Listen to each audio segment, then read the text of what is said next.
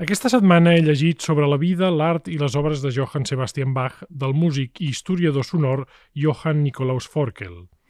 Com veureu a la portada d'un nou llibre imprescindible de l'editorial d'Insic, l'interès d'aquest text resulta evident. Avui, a la sectorial de música de l'illa de Mayans, us parlarem de la que es considera amb justícia la primera biografia publicada de Johann Sebastian Bach. Això podria ser una mera notícia interessant per a musicòlegs, experts en arqueologia baquiana o rates de biblioteca. Però aquest volumet del 1802, que ha traduït magníficament el mestre Pere Albert Balcells, resulta indispensable per d'altres motius. Primer, perquè Forkel escriu sobre un corpus musical el de Bach, que coneixia profundament i encara més important perquè s'aproxima a la vida del compositor a través del testimoni directe dels seus fills i alumnes. En aquest sentit, el llibre que us presentem avui és transcendental per ser un dels primers exemples de biografia musical d'un compositor. No us enganyarem. Forkel també escriu una geografia, és un devot declarat de la música bachiana i és un dels primers escrivents que edifica el mite de Bach com un dels pilars fundacionals de la cultura alemanya però també és un músic molt competent. Analitza l'obra en qüestió a través d'aspectes fins al moment menys tinguts, com ara la biografia i la nissaga familiar del protagonista, la diversitat del seu catàleg musical i l'anàlisi harmònic i melòdic d'algunes de peces de Bach, un corpus que fins aquell moment molts intèrprets i homes de la cultura encara concebien com a simples exercicis. Aquest, doncs, no cal dir-ho, és un llibre imprescindible pels intèrprets de Bach. Avui us parlarem de com Forkel, per exemple, realitza una descripció minuciosa del mètode amb què el propi compositor atensava la mà al teclat del clavicordi. Però també és essencial per a qui vulgui comprendre la dimensió espiritual de la música bachiana, una poesia transcendental que el biògraf Forkel és dels primers arriscats en tematitzar. Per altra banda, i com sempre que us parlem de música a l'illa de Mayans, també voldríem que lentament els melòmens s'acostessin a textos com el d'avui i així, amb paciència, potser ajudarem a que els espectadors de música culta a Catalunya siguin més conscients, desvetllats i coneixedors de tot allò que escolten. Seria una llàstima, en definitiva, que llibres com el present, i cal aplaudir a Dinsic per publicar-lo, insisteixo, siguin patrimoni exclusiu dels malalts i experts d'això que mal anomenem música clàssica. Perquè més enllà de ser el primer cas de biografia bachiana, en definitiva, també aquest és un text que ha sobreviscut pel seu valor literari. Si ens feu confiança, així ho veureu. Aquesta setmana he llegit sobre la vida, l'art i les obres de Johann Sebastian Bach de Johann Nikolaus Forkel, però no ho he fet sol. Amb mi ho ha fet el professor d'estètica musical Jaume Radigales. Soc en Bernat de Déu i sou a l'illa de Mayans. El podcast dona llibres. This is my island in the sun where my people have toiled since time begun. I may sail on many a sea, her shores will always be home to me. Oh, island in the sun, built to me by my father's hand. All my days I will sing in praise of your forest waters, your shining sun.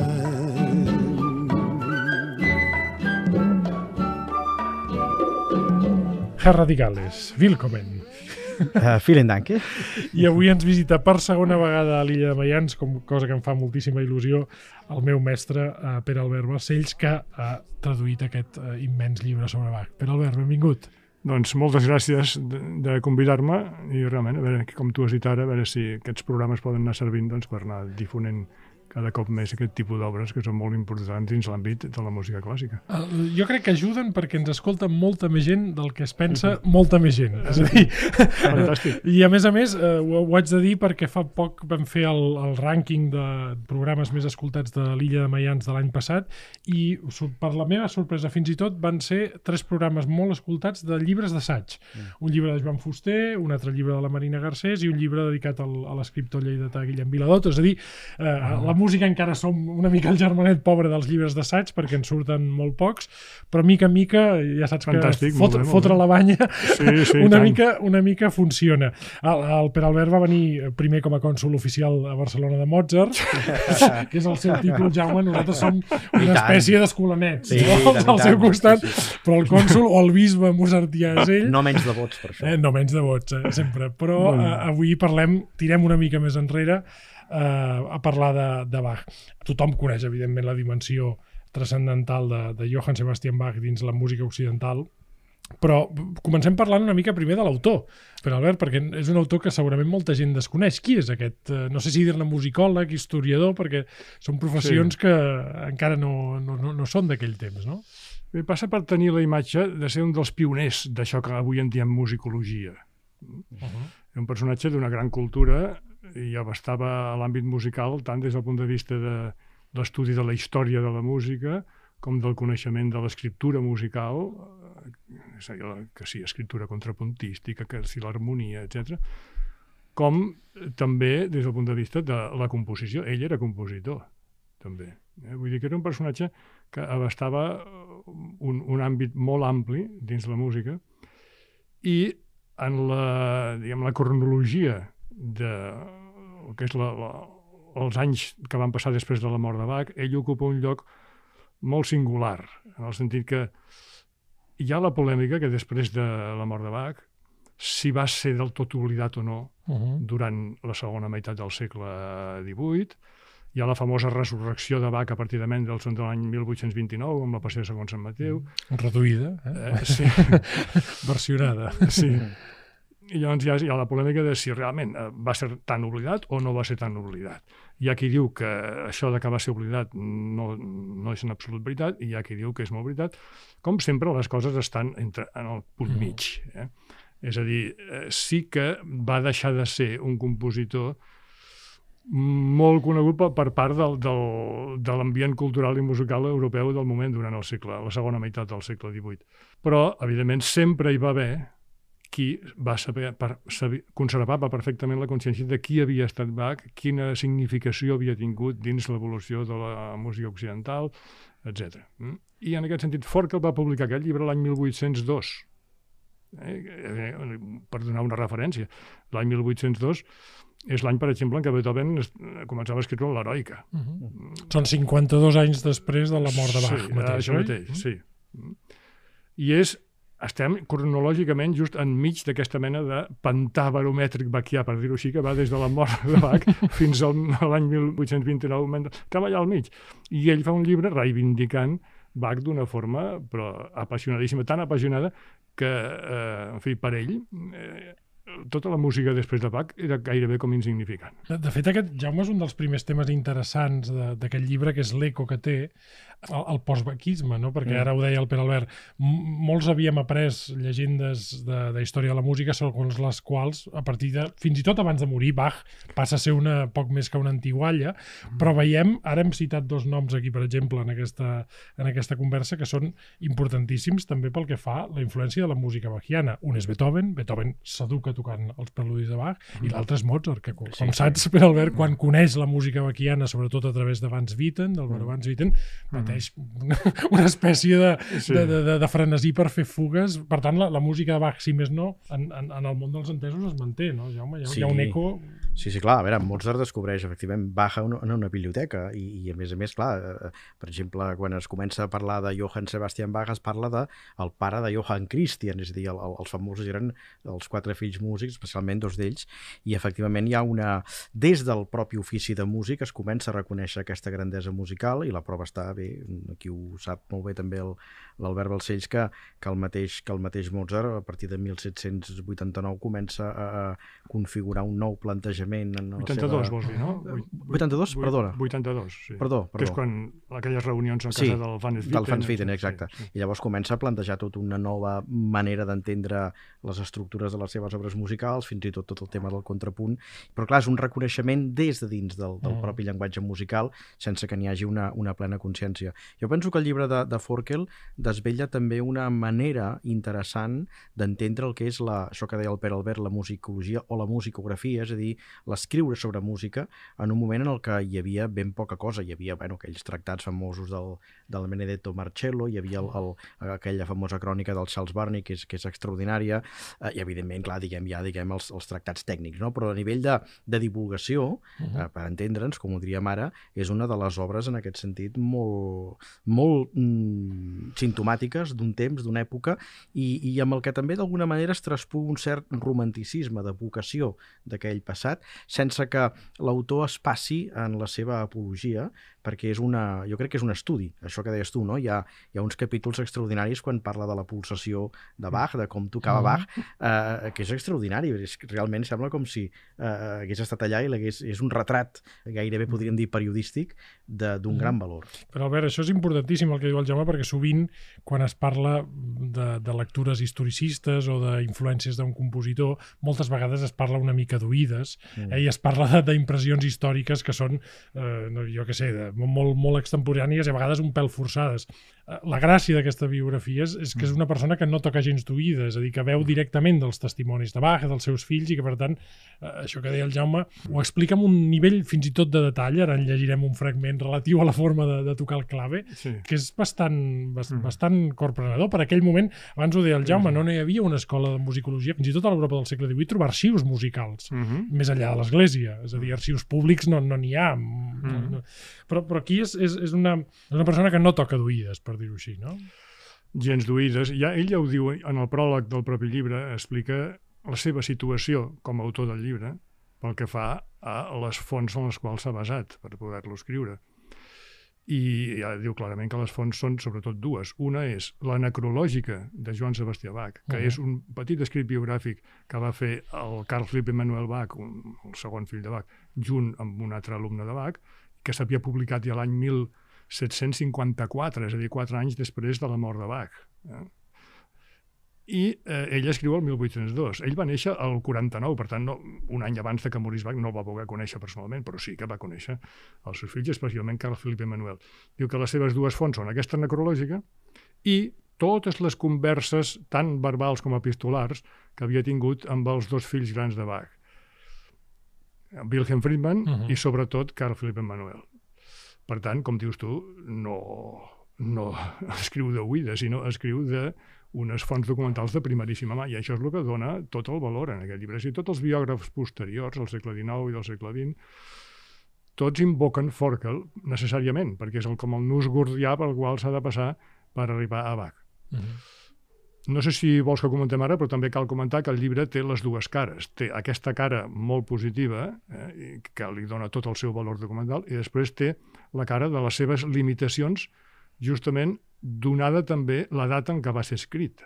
Eh, va ser escrit el 1802, que vol dir que ell encara va poder tenir accés als fills de Bach, mm? ja havien mort, però ell havia viscut tota la segona meitat del 18 i havia pogut parlar amb ells, però alhora, l'any 1802, encara no s'havien desenterrat una gran quantitat de documentació que van anar sortint durant el segle XIX i el segle XX, ah. que en molts aspectes de la, de la ciència baquiana, per dir-ho així, doncs eh, van fer canviar alguns punts de vista. Ell, mm. ell no havia tingut encara accés. En parlarem d'això, però, però sobretot pensant en els oients que no siguin malalts de, de, de, de la música clàssica com nosaltres i que els hi quedi molt, molt lluny aquest llibre i algú pot pensar com és que és, és, és important tenir un llibre així, tenir unes fonts documentals. Mm. M'agradaria llegir un fragment perquè mm. molts uh, intèrprets que s'acosten a la instrumentació antiga doncs, uh, sovint fan teories molt curioses sobre com tocar, sobre com passar l'arquet, sobre com posar les les mans, i hi ha un fragment molt, fins i tot divertit, jo diria, sí, sí. d'aquell llibre de Forkel, que explica literalment com Bach posava els dits a l'orgue. Diu, I com els movia. Sí, sí. Uh, uh, en la posició de mà que Sebastià Bach adoptava sobre el teclat, els cinc dits es troben arquejats de tal manera que les seves puntes descriuen una línia recta paral·lela al pla de les tecles. I dins d'aquesta línia recta, cada dit queda situat en suspensió sobre la tecla que ha de tocar per evitar així que en l'últim instant el dit hagi de buscar la tecla abans de posar-la. Amb aquesta posició hi estan relacionades les següents consideracions. Cap dit no ha de caure sobre la tecla ni ha de ser llançat sobre ella, com també passa sovint, sinó que ha de ser conduït sentint en certa manera la seva força interior i conservant sempre el control sobre el seu moviment. 2. La força exercida així sobre la tecla ha de ser mantinguda amb un grau constant de pressió, de tal manera que el dit no s'aixeca verticalment, sinó que la seva punta recula gradualment en direcció al palmell de la mà i acaba relliscant sobre l'extrem exterior de la tecla. 3. En el moment de passar d'una tecla a l'altra, la força constant amb què aquest dit ha mantingut pulsada la primera nota queda instantàniament abocada sobre el dit següent, de manera que els dos sons no queden ni separats ni barrejats. és, és, sembla, és un fragment pràcticament de novel·la, no? Sí, és una descripció sí, sí. pràcticament literària, però que per, per qui vulgui aproximar-se a, a sí. com es tocava, tot i que això sempre és una història que no podem imaginar perquè no tenim els timpans de, sí. de, de, de l'any 1658 o de l'any 1750, mm. però la descripció és, és molt minuciosa. No? És molt minuciosa, sí. I és molt sorprenent que amb un llibre que els nostres oients ara no poden veure el llibre, però els hi podem dir que és un llibre que d'aspecte sembla un llibre doncs, curtet, perquè no és molt sí. gruixut mm. i tampoc és un llibre de format molt gran. I un pot pensar, bé, doncs serà una biografia, amb aquest espai que, amb aquest espai que aparenta el llibre, serà una biografia en què hi haurà espai per dir, i amb prou feines, doncs una mica de resum del seu recorregut cronològic, biogràfic, i, i una mica de parlar de les obres i poca cosa més. I, en canvi, el llibre, amb aquest poc espai, té temps d'entrar amb aspectes com ara el que tu acabes de llegir, i que no és l'únic aspecte detallat, eh? Hi ha, sí, hi ha, sí, hi ha molts. Hi ha, hi ha molts. I carai, com s'ho ha fet aquest home per realment, amb un espai tan petit, incloure tants, eh, tantes facetes i, i algunes d'elles tan d'àmbit especialitzat, com és això, com moure un dit sobre una tecla. Mm. I, de fet, i, això, I això, Jaume, també ajuda a evitar impostors, perquè sí. hi ha molta gent que diu sí, que, que ha llegit no sé on, que, sí. que s'havia de tocar el dit. No, no, això, això és font, sí, sí. font directa. Eh? No, a més a més, clar, eh, la, la, el llibre, la part biogràfica, diríem que és el menys interessant, primera, perquè sí. sabem moltes més coses clar. de Bach del que porta Forkel, sí. i és la part més petita. És exacte, a dir, que exacte. Sí, la, la part substanciosa és aquesta, és el testimoni del músic que hi ha al darrere i la crònica del músic, l'intèrpret i també, evidentment, el compositor, perquè hi ha tot, també tota la reflexió sobre l'harmonia de Bach, etc etc. I també he de dir que el llibre té l'avantatge que l'ha editat el Pere Albert Balcells, que mm, d'això en sap un munt i que aclareix amb, amb moltes notes a peu de pàgina, gairebé n'hi ha 200, mm. em sembla, o 190, no sé quantes, uh -huh. els aspectes que poden quedar més foscos o que s'han d'aclarir d'un text que, clar, del, del que ens separen 220 anys. Sí, sí, és un text Home, traduïda a l'alemany ja en si eh, és, és no és fàcil. No és fàcil perquè és un idioma allunyat del nostre, però eh, amb un llibre com aquest, està bé que tu hagis al·ludit perquè gairebé ha portat més feina tot aquest altre treball, diguem, d'investigació, de, de, de, de documentació per poder eh, conduir una mica la lectura de l'oient amb un llibre que necessita aquests aclariments. Mm. Una mica per allò que dèiem abans perquè hi ha afirmacions que ell fa que ven donades per a, a alguns aspectes per coses que ell creia donada la documentació que tenia i en canvi després la documentació que ha anat apareguent ho matisa o a vegades ho contradeix i per tant tot això s'ha d'anar puntualitzant amb notes a, a peu de pàgina mm. i sí, ha estat un treball llarguet en aquest.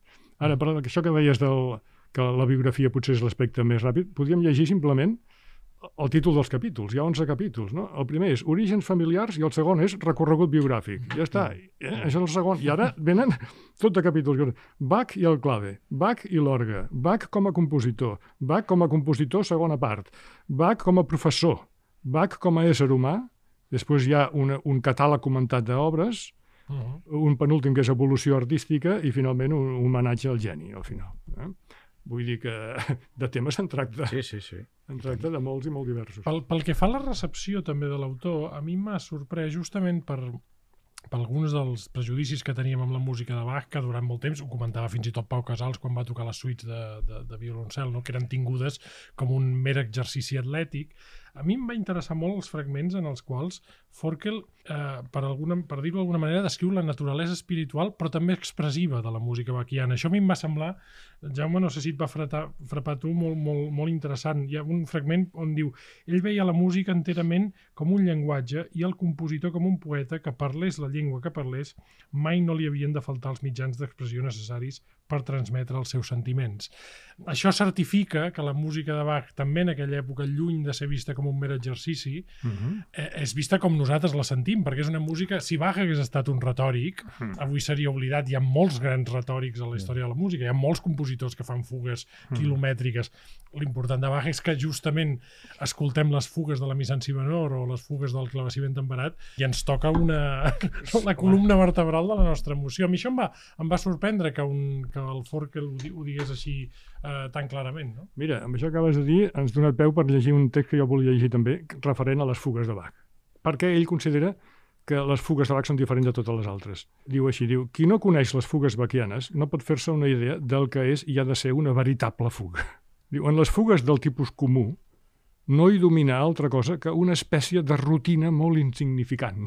S'agafa un tema, se li dona un company de viatge, es refereix al contrasubjecte, uh -huh. se'ls fa passar tots dos per diverses tonalitats veïnes i al llarg d'aquestes modulacions se'ls dona com a acompanyament una mena de baix harmònic realitzat per les veus restants. Això conforma una fuga. Però quina mena de fuga? És fàcilment comprensible que algú que només conegui aquesta mena de fugues no pugui fer-se una idea gaire elevada del gènere, ja que quanta destresa artística cal per dominar una rutina com aquesta? Llavors diu, la fuga baquiana és d'una mena completament diferent. En ella queden satisfetes totes aquelles exigències que només gosem plantejar a composicions de tipus més lliure. Dos punts. Un tema de caràcter marcat. Un cant de caràcter igualment marcat, derivat del tema i ininterromput de principi a fi. En cadascuna de les veus restants, no un mer acompanyament, sinó un cant independent que avança d'acord amb el de les altres i que manté també la seva presència de principi a fi. Llibertat, naturalitat i fluidesa en l'evolució del conjunt. Inesgotable riquesa de modulacions realitzades amb una tècnica irreprotxablement depurada. Rebuig de tota nota arbitrària no lligada al conjunt per una relació de necessitat. Unitat i diversitat en l'estil, en el ritme i en la mètrica. I, finalment, una vida que ho penetra tot i que per moments fa creure a l'intèrpret o a l'oient que els sons adopten una presència espiritual. Definitiu, eh? Un paràgraf que no Sí, té sí, pèrdua. Eh? clar. I està molt, amb molta contundència està explicat això que deies ara. I amb quina diferència hi ha entre el que és un compositor de fugues i es pot extendre a un compositor de qualsevol gènere. Compositor que coneix l'ofici, que el domina, eh, que se'n surt, etc. i el que és una, una altra dimensió que és aqu- aquests grans monstres de la història de la música, que quan nosaltres els escoltem percebem alguna força que està més enllà del que és eh, el que podríem dir la pura doncs, eh, bellesa musical o eh, no, ja és un, contingut espiritual que, que està en una altra òrbita. I ell ho capta, això està molt bé, perquè ell Sí, ho capta sí. i ho sap explicar, a més a Ho més. sap és explicar la gran, la gran sí, sí. que té. Sí, fins i tot hi ha, hi ha, hi ha fragments on, on explica d'una d'una manera molt, molt curiosa a l'autor, fins i tot divertida, quan parla de la manera que té Bach de fer servir les veus, està parlant de, de l'exactitud en, les, en, la, en la massa coral baquiana i diu aquest alt grau d'exactitud en el traca- tractament de cada veu és el que converteix l'harmonia baquiana en una melodia múltiple. Mm.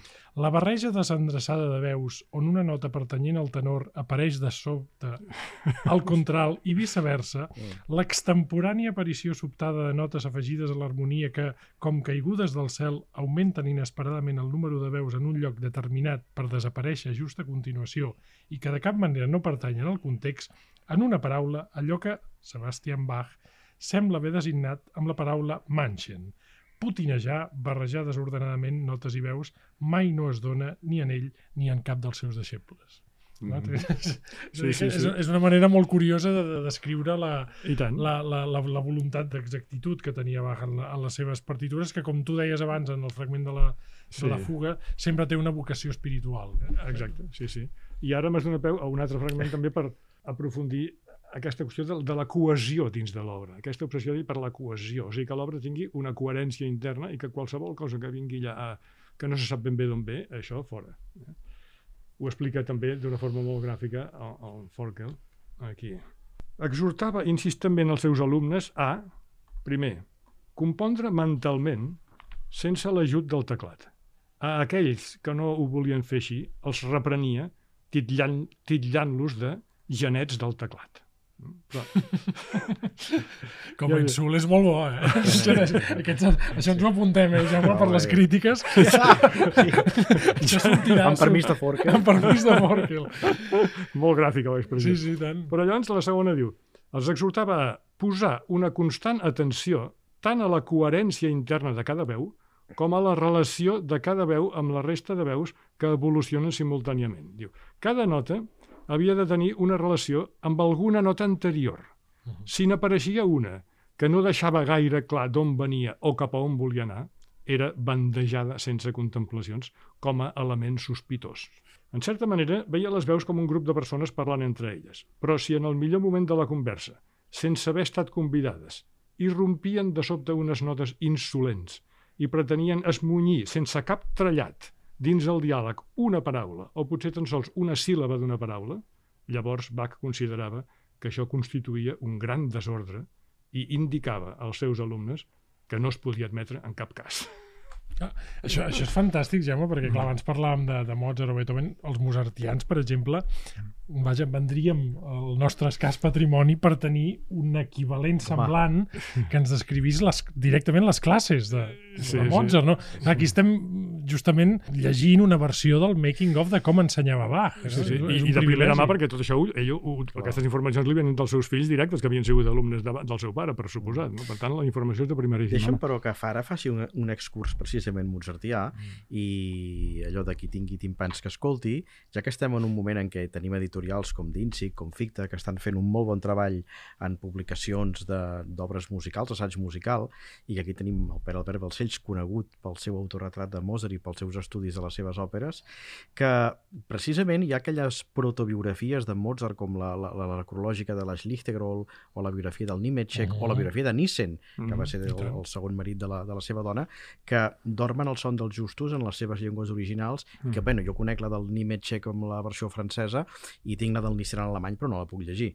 Potser estaria bé que es traduïssin també al català aquestes obres. Ja, ja, ja veus que posem, posem feina en aquest el... programa.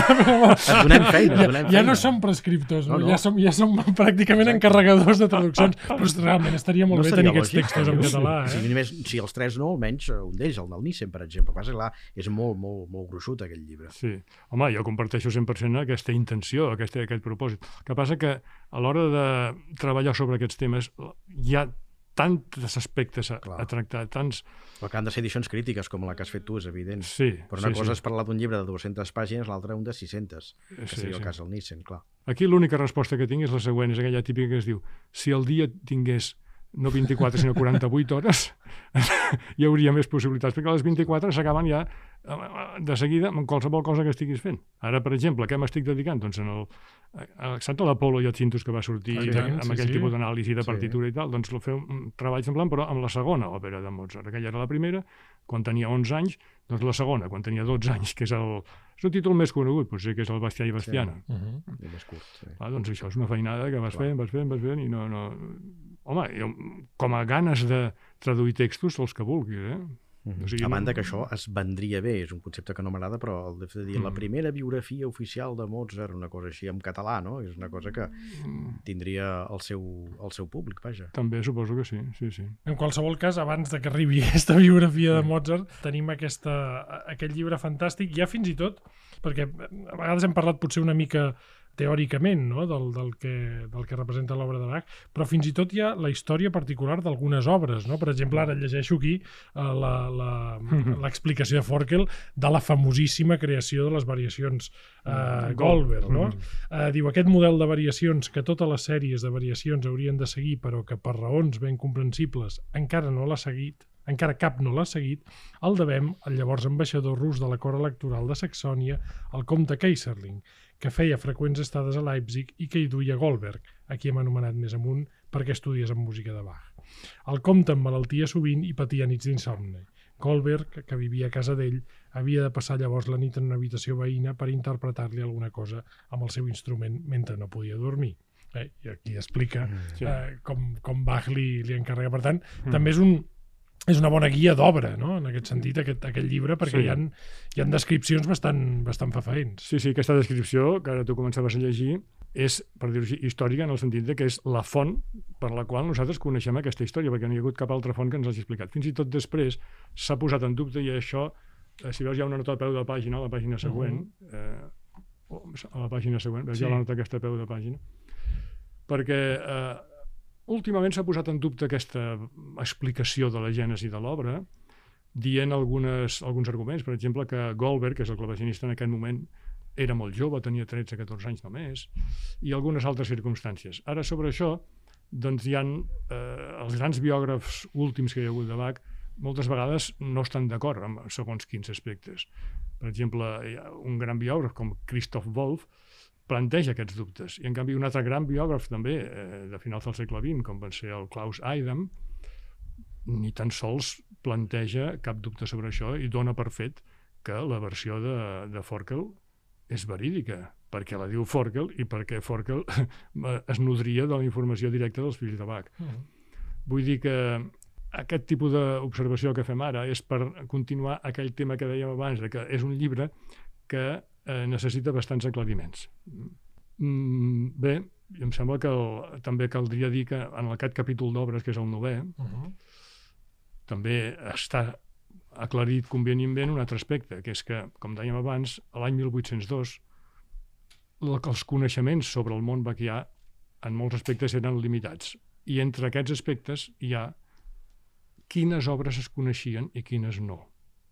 Per exemple, en aquesta llista d'obres que fa ell, que és bastant llarga i és bastant extensa, en canvi no figuren obres eh, molt conegudes avui dia, com per exemple els concerts de Brandenburg, Uh -huh. o com per exemple les suites per orquestra. L'obra de Ketten, segurament, no? L'obra d'instrumental sí, de eh, sí. l'època aquesta. Sí, exacte.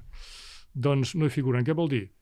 Que en aquella època no es coneixien i, i, i ell no va tenir ocasió de conèixer-les i per tant doncs, eh, en el llibre no hi són i això, en certa manera, podem posar-ho en el cantó de les virtuts del llibre. En quin sentit? En el sentit de que el llibre, d'aquesta manera, es converteix en un testimoni molt eloqüent de quin era l'estat de coneixement del món baquià en el principi del romanticisme, al principi del segle XIX. Vull dir, és, un, és una evidència documental de quin grau de coneixement hi havia. Perquè que- el que no coneixia aquest no coneixia ningú sobre Bach Mhm. en aquesta època. Per tant, el que ell posa és el que es coneixia. Clar, I- perquè, És el termòmetre, és el termòmetre Clar, per saber què que es coneixia i què no no es es coneixia. tocava perquè estava, reposava en els arxius de la de Goethen o, clar, suposo que ell va agafar la, la, el període de Leipzig i allà sí que devia haver-hi molt material entre el que hi hauria a Sant Tomàs o el que tindrien els fills i a partir d'aquí fa aquest inventari, però clar, evidentment tot això que dius Sí. doncs és, evidencia això que també evidencia una altra cosa, penso que des de la perspectiva de la sociologia musical és molt interessant que fins que Mendelssohn no reexhuma la passió segons Sant Mateu i el que vindrà després, eh, la música d'aquella època era la que s'escoltava i la música del passat Ah, quedava tant. rellegada a aquest Sí, passat. sí, no? i també hi ha un factor de sociologia musical molt interessant en Bach, que és les modes d'interpretació dins l'obra del propi Bach, Ah, perquè hi ha molts anys, per exemple, que patim una sobredosi de 36 passions en una temporada Sí. i no escoltem la música orquestral eh, o la música instrumental. Abans la música instrumental de Bach era eh, Ah, una peça fonamental en la formació de qualsevol intèrpret, no? Sí, sí, sí. I ara, quant, quina és l'última vegada que heu escoltat una partita per a violí sol de Bach? O els clavecinistes encara, però per exemple Sí. unes, unes suites d'orquestra o uns concerts de Brandenburg es, concerts de Brandenburg potser sí, però, però hi ha peces per a instruments sols Mm. que s'escolta Sí, sí. molt poc, no? És curiós aquesta també oscil·lació dintre l'obra baquiana de, de, de modes, no? Sí, sí, és inevitable, això va una mica, eh, mira, segons, el, segons bufa el vent musical en els di diferents moments, en les diferents èpoques. Però per això tenir un termòmetre molt precís com és aquest llibre no deixa de ser un valor documental eh, per a Mhm. nosaltres. Sí, sí, un, un llibre molt interessant a nivell documental, a nivell literari, com us hem llegit ja, és una, és una escriptura sí. també molt, molt curiosa, molt rica, molt rica, Molt rica, la, sí. la, la, la de Forkel. Insistim sobretot perquè està escrivint amb un llenguatge encara no fet, com és el de la musicologia, i per tant, literàriament sí. també resulta molt, molt interessant, i amb la traducció i l'estudi crític també de, i les notes del, del Pere Albert Barcells. I amb la introducció de l'Oriol Pérez Treviño. Exacte, i amb, i, amb, i amb la introducció sí. del, del, de l'Oriol. Val molt la pena tenir-lo, eh, si sou baquians, evidentment, però si sou malòmens també, perquè així també és un llibre que també fa, fa venir ganes d'escoltar Bach, que és una cosa que sempre, Ah, clar, clar. sempre, sempre hem de fer re- religiosament i, i mai millor dit. Uh, felicitem novament, i jo ho faig molt sovint a la a d'INSIC, perquè realment és de les editorials que Sí. estan, eh, abans parlàvem de posar la banya, no? doncs que en aquest sentit estan posant la banya I tant, i uh, tant. en aquest tipus de textos Està fent una feina extraordinària. que, que a més a més eh, els reivindico, ho deia a la introducció, perquè produeixen també espectadors més desvetllats, que això ens Sí, sí. interessa molt, que la gent no només vagi al concert a moure el cap i a passar-s'ho bé i a disfrutar, que està molt bé, Mm. sinó que està molt bé que sàpiga el que està escoltant, perquè llavors ho gaudirà més. Sí. Eh? Exacte, exactament, sí, sí, és això, és això. I com més es gaudeix, eh, millor. Mm. I a banda, com us deia, bona literatura, literatura perquè si no només musical, li- literatura. Pere Albert, eh, quan acabis la feina de Mozart que t'hem encarregat, ens tornem, ens tornem a veure. Moltes gràcies per haver-nos visitats i, Mm. i moltes felicitats per la feina. Doncs moltes gràcies a vosaltres dos i també us felicito a vosaltres per la vostra incansable feina de difusió musical en el nostre país. Sòlida i glòria. gràcies, Jaume. Gràcies, Bernat.